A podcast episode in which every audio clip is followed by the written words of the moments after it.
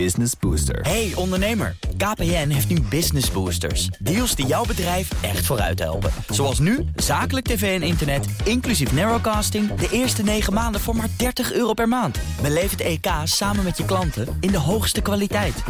Kijk op kpn.com slash businessbooster. Business Booster.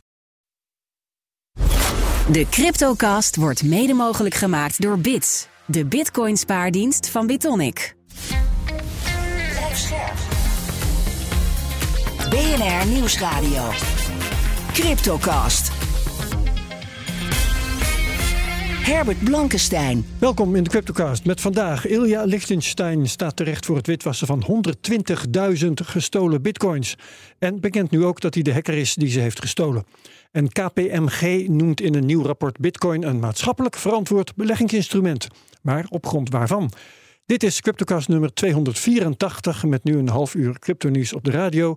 Met onze gast Remy van der Nagel, expert op het gebied van crypto- en blockchain-projecten bij Bitfavo. Hartelijk welkom. Dankjewel, Herbert. En mijn co-host is Daniel Mol, redacteur bij de Cryptocast en BNR Digitaal. Hoi Daniel. Goedemiddag Herbert, hallo. Wij geven geen beleggingsadvies, vorm je eigen mening, maak je eigen keuzes. Geef ons niet de schuld, want crypto kan lucratief zijn, maar is ook riskant. Oké, die Ilja Lichtenstein. Daniel en zijn vrouw ook, Heather Morgan, die werden begin 2022 opgepakt voor het witwassen van tienduizenden bitcoins. Afkomstig van de gehackte exchange Bitfinex. Van de hacker ontbrak tot nu toe ieder spoor. Maar deze week bekende Liechtenstein dat hij hem is. Daniel, uh, het was een uh, behoorlijke hack ja, voor die tijd. Precies. En nu nog. Ja, we moeten terug naar augustus 2016 voor deze hack. Toen uh, werd er 120.000 bitcoin gestolen van Bitfinex. Dat was toen 72 miljoen dollar waard. En inmiddels is dat uh, 3,6 miljard. Ja, dat uh, heb je met crypto. Hè? Misdaden worden vanzelf groter. Precies, precies ja, dat is echt een gigantisch bedrag geworden. Um, nou ja, dat hebben ze gehackt. En we weten nu met de kennis van nu dat ze in ieder geval dat die Ilja Lichtenstein met zijn uh, vrouw Heather Morgan allerlei capriolen heeft uitgevoerd om dat geld wit te wassen. Dus uh, ja. de, te goede verschepen naar Rusland en Oekraïne. Om daar het vervolgens in cash om te zetten en dat dan weer naar Amerika te vliegen. Gouden allerlei munten, bedrijven opgezet ook. Hè? Ja, gouden ja. munten begraven. allerlei dingen uh, mocht niet baten, want ze liepen in augustus of in februari 2022 liepen ze tegen de lamp. Ja. En ja, nu uh, hebben we eigenlijk een nog nieuwer nieuws. Want die Oeja die blijkt dus de hacker te zijn. Zegt Minste, ja, dat zegt hij zelf. Um, ik dacht altijd, uh, die twee zullen wel katvangers zijn. Hè? Dus, vooral zij leek niet al te slim. Um, komen we zo even op. Komen we zo nog wel op. Uh, is er onafhankelijk bewijs, behalve dat hij zelf uh, zegt dat hij het is? Dat ja, hij het ook werkelijk is? Ja, uh, eigenlijk niet. het Amerikaanse ministerie van Justitie zegt nu wel van die Liechtenstein heeft een aantal geavanceerde hacking tools gebruikt. Ja, manieren om binnen altijd. te komen. Ja. toen kon hij meer dan 2000 transacties doen om al die bitcoin te stelen. En daarna heeft hij zijn sporen uitgewist. Maar ik denk eigenlijk dat ze dat allemaal al wisten. Alleen dat ze nog een naam, de, de naam ontbrak nog. En nu hebben ze de naam van Liechtenstein daarop kunnen plakken.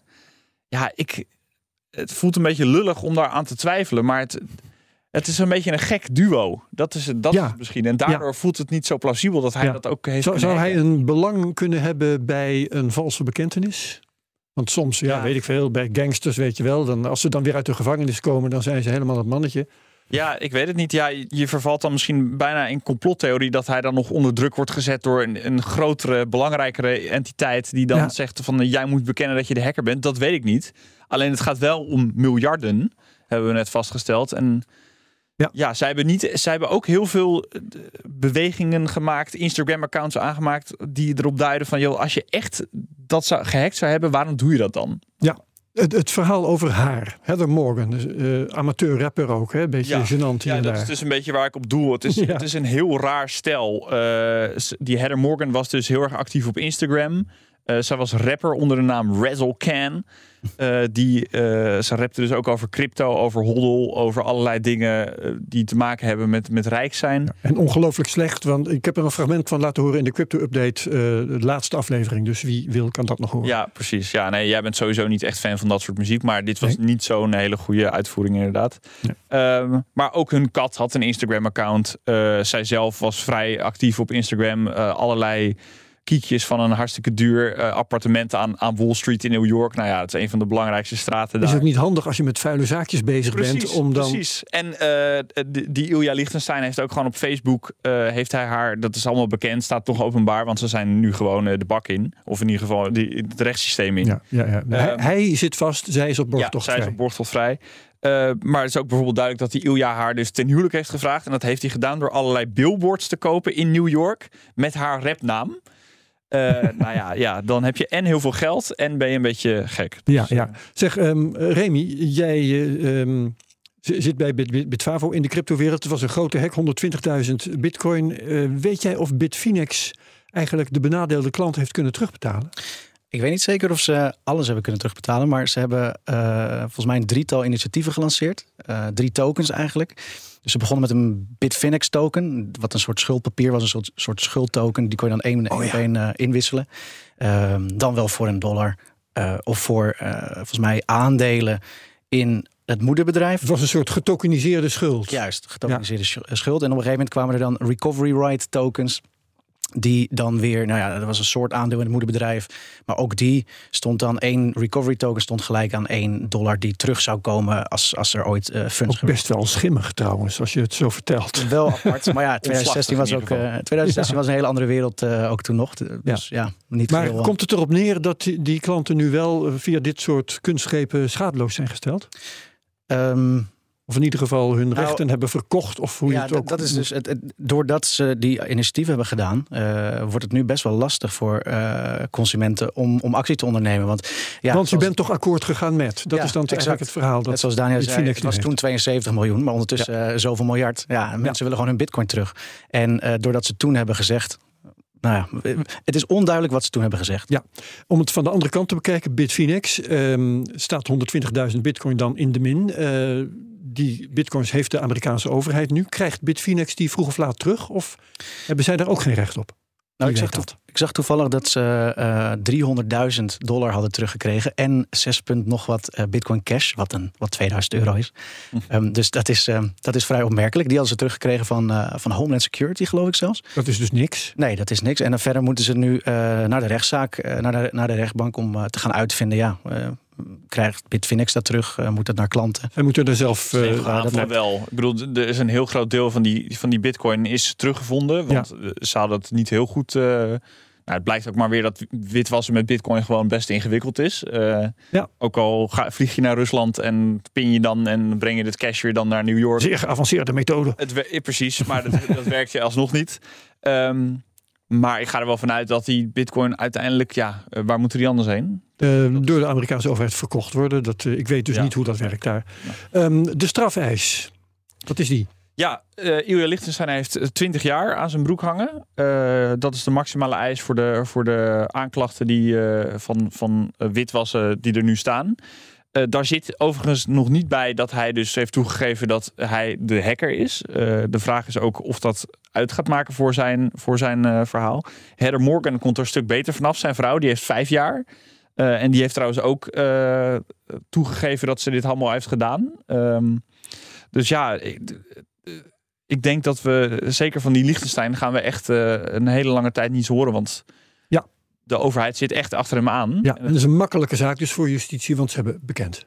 Ja, ja, en dat, dat maakt het ook zo apart dat hij dus heeft opgebiecht dat hij dus ook nog die hacker is. Meer dan, want daar was hij nog niet eens voor aangeklaagd. Hè? Nee, precies. Ja, nee, niemand wist wie die hacker was uh, tot nu. Ja, het is, een, het is een heel apart verhaal. Maar godzijdank, Netflix gaat het verfilmen. Ik wou net zeggen. Dus uh, we kunnen er straks allemaal nog uh, lekker terugkijken bakje popcorn erbij. Misschien ja. voor Ilja zijn ook leuk uit de gevangenis. Met misschien nog een paar leuke speculatieve elementen erbij. Precies, ja. Eh, want uh, het blijft drama ja. in zo'n geval. Oké, we gaan naar de prijsanalyse met Rational Root, on-chain analyst namens BTC Direct en het Bitcoin Strategy Platform. Goeiedag, Root. Hallo Herbert. Ja. Leuk om hier te zijn. Ja, zeg dat wel. Um, voor het ongetrainde oog is het eigenlijk maar vreselijk saai op de cryptomarkt op dit moment. Ik heb net gekeken, eigenlijk al uh, meer dan twee weken tussen de 29 en de 29.500. Wat uh, vind jij ervan op dit moment?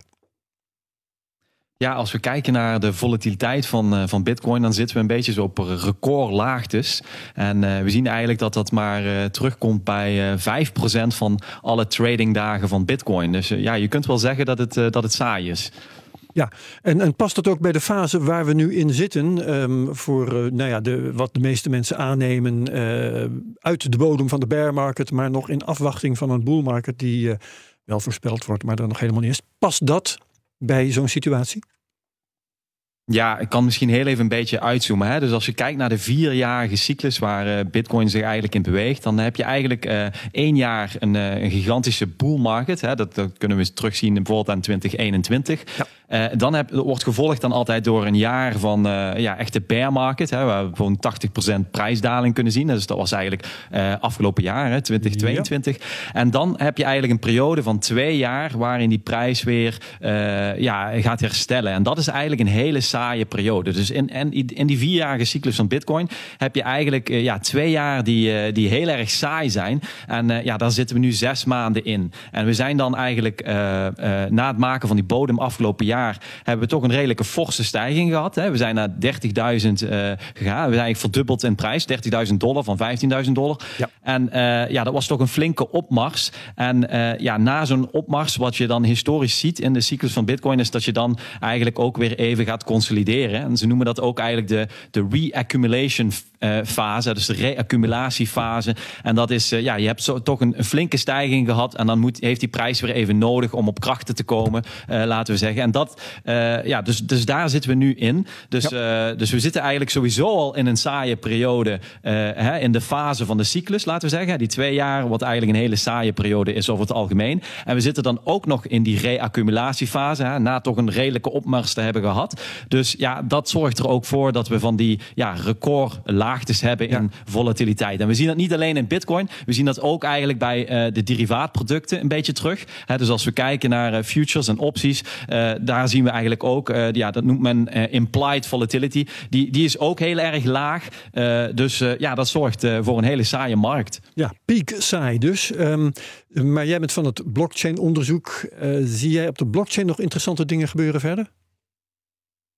Ja, uh, we zitten eigenlijk uh, heel kort bij een, een, een, niveau. En dat is de gemiddelde aankoopprijs van uh, korte termijnhouders. En dat is een heel belangrijk niveau voor, voor on-chain analyse. en ja, eigenlijk als we kijken naar alle transacties, hè, alle bitcoin in circulatie, dan kunnen we die onderverdelen in, in groepen. Hè. Dus we kunnen die onderverdelen in lange termijnhouders en korte termijnhouders. Hm. Nou, die korte termijnhouders die zijn heel erg interessant, omdat die eigenlijk altijd meer beïnvloed worden door de huidige prijs van, van bitcoin. Bitcoin. Hè? Dus die, en en dat, uh, de gemiddelde aankoop van die korte termijnhouders, dat is een, een heel erg belangrijk niveau. Want je ziet eigenlijk in een soort van uh, bull market, waar we een beginnende bull market, waar we nu eigenlijk ook in zitten, zien we dat we ja, heel vaak afkaatsen van die korte termijnhoudersprijs. En die korte termijnhoudersprijs zit momenteel op, uh, ja, op 28.500 dollar. Ik, ik, kijk dan altijd in dollars. Mm -hmm. en, en ja, daar is dus een grote kans dat we daar toch vanaf kunnen kaatsen in de komende periode. Oké, spannend. Um, bedankt voor je analyse. Rational Root On-Chain Analyst namens BTC Direct en het Bitcoin Strategy Platform.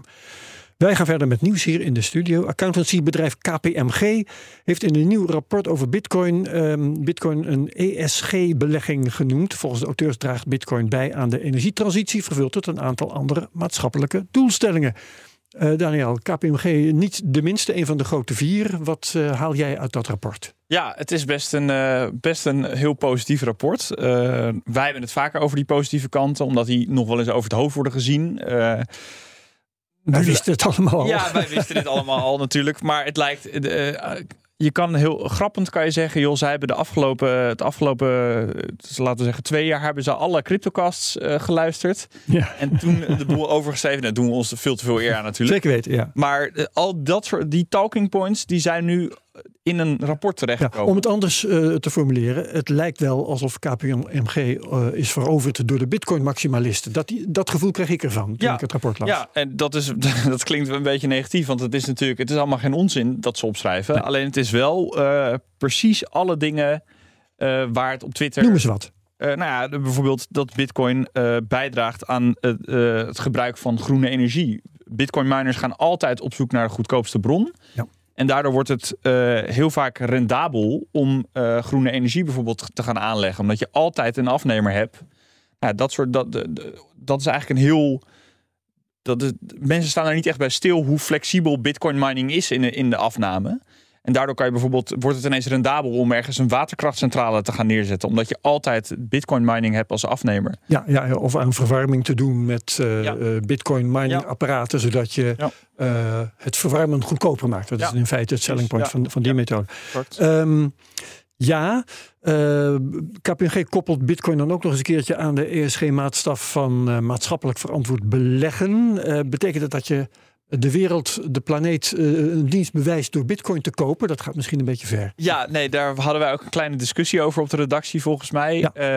dat is natuurlijk heel interessant, want je zou kunnen zeggen hoe meer, hoe hoger de prijs van Bitcoin, dan misschien hoe beter. Want dat stimuleert al die projecten en al die initiatieven waar zij over schrijven. Um, kunnen zo nog een aantal opnoemen.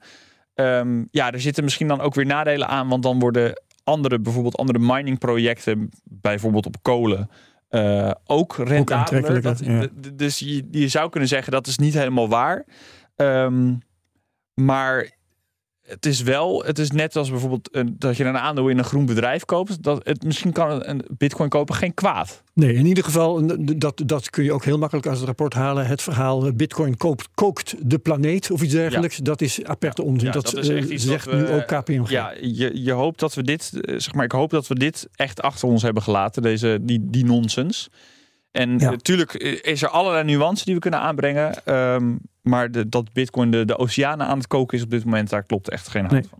Nee. Um, gaat uh, eh, KPMG op deze manier ook school maken? Kun je aannemen dat uh, nou ja, andere accountancybedrijven, misschien banken, dan denken: hé, hey, uh, misschien moeten we hier ook nog eens wat beter naar kijken? Nou, dit is natuurlijk wel een naam uh, die iets, uh, een belangrijke naam, een Big Four uh, accountancybureau, die, die wat zegt over Bitcoin. En dit zijn ook de twee auteurs, die werken allebei al meer dan 17 jaar voor, voor KPMG. Dus het is niet of ze. Geen stagiairs. Nee, ze zijn niet aankomen waaien en hebben een mening over Bitcoin. Nee, dit is, dit is wel echt een, een serieus rapport.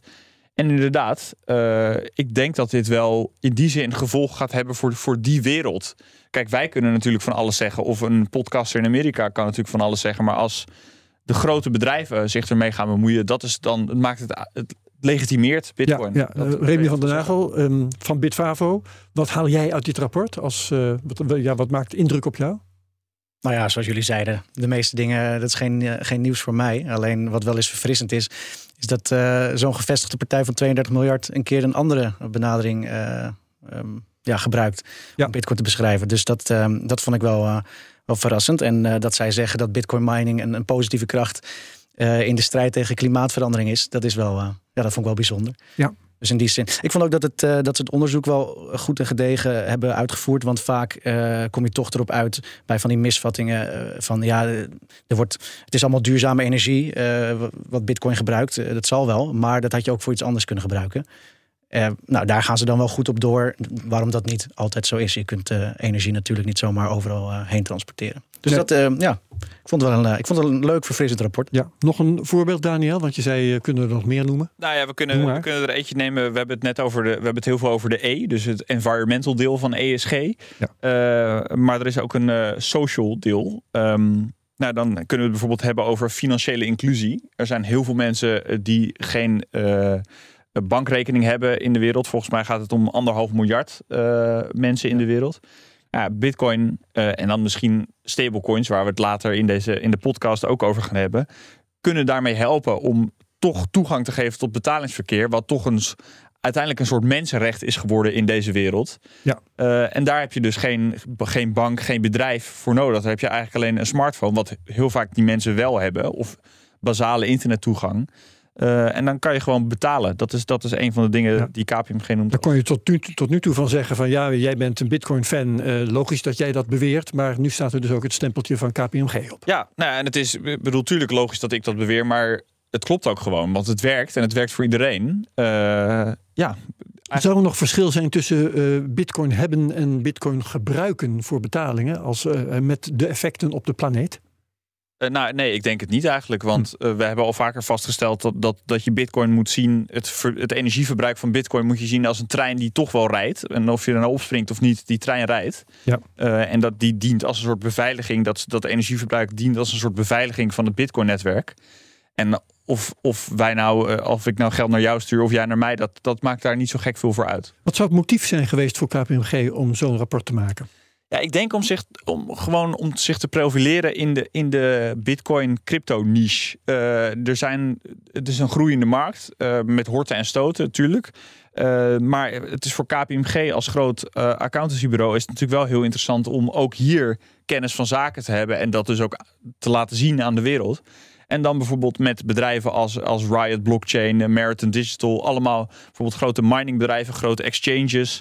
Uh, natuurlijk Binance, Coinbase, al dat soort bedrijven, om daar langzaam mee in zee te gaan. En dan ook dus te bewijzen dat zij kennis van zaken hebben en weten waarmee ze werken. Dat is denk ik goede reclame in die zin voor KPMG. Ja, nou, wij gaan in de gaten houden wat de lange termijn effecten van dit rapport uh, zijn.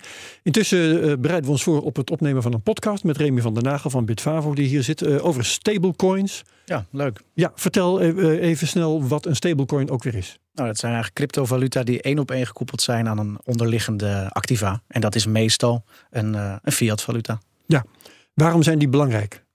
Nou, ze zijn eigenlijk gaan fungeren als, uh, als een soort van olie in de machine. Liquiditeit uh, vergroten ze. En ze, uh, je ontwijkt er volatiliteit mee. Ja, um, nou is op dit moment het nieuws dat PayPal een eigen stablecoin gaat maken. Het is leuk om hier nog eventjes snel te melden. Um, wat is de betekenis daarvan? Weer een stablecoin erbij. Ja, je kunt daar vervelend op reageren, maar is het belangrijk? Nou, je ziet wel dat, dat de gevestigde namen de, uh, Web3, om het zo maar te noemen, serieus nemen.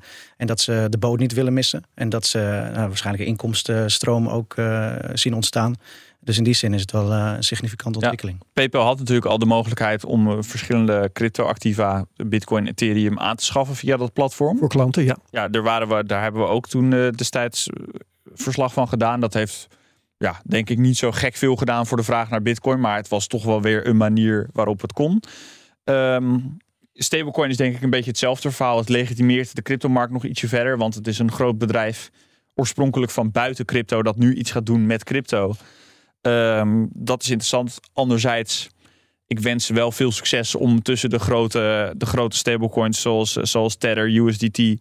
Daar zit 83 miljard in, een marktkapitalisatie. Ja, dat is gigantisch. Ja daar kom je denk ik niet zomaar tussen. Maar het is voor, voor PayPal denk ik een heel handig verdienmodel in eerste instantie. En, en schieten klanten er iets mee op? Want je kunt je inderdaad, hè, een, een bedrijf maakt een eigen stablecoin. betekent dat ze dollars binnenkrijgen. En ze geven die stable. Dus die dollars kunnen ze weer wegzetten en daar een of ander rendement op zien te maken. Maar hebben de klanten van PayPal ook iets aan een stablecoin van PayPal? Want die hadden ook Tether kunnen gebruiken als ze iets wilden met een stablecoin.